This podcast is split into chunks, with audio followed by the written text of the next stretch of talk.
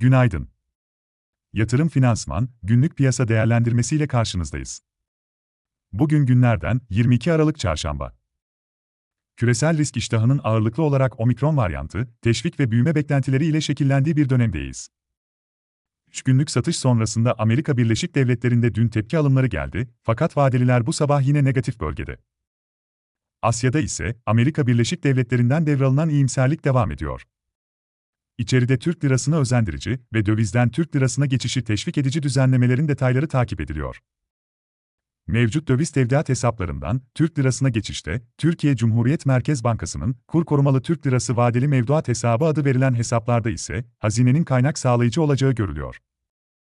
Alınan kararlar bankalar açısından destekleyici, ancak Türk lirasının değerinde istikrar ve CDS'lerdeki gerileme Borsa İstanbul'daki bankalar için daha belirleyici olacaktır.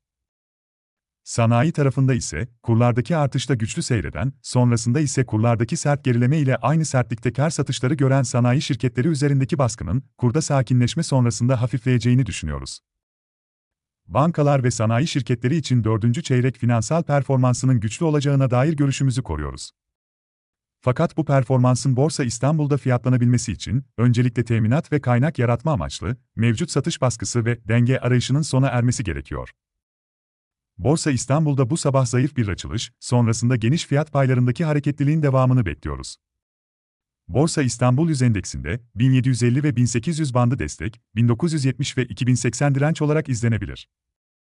Ajanda da ise içeride veri akışı sakin. Dışarıda, Amerika Birleşik Devletleri 3. çeyrek gayri safi yurt içi hasıla büyüme verisi günün en önemli verisi olarak öne çıkıyor. Ek olarak, Amerika Birleşik Devletleri'nde Chicago PMI ile Conference Board tüketici güveni ve yeni konut satışları takip edilecek. Yatırım finansman olarak bol kazançlı bir gün dileriz.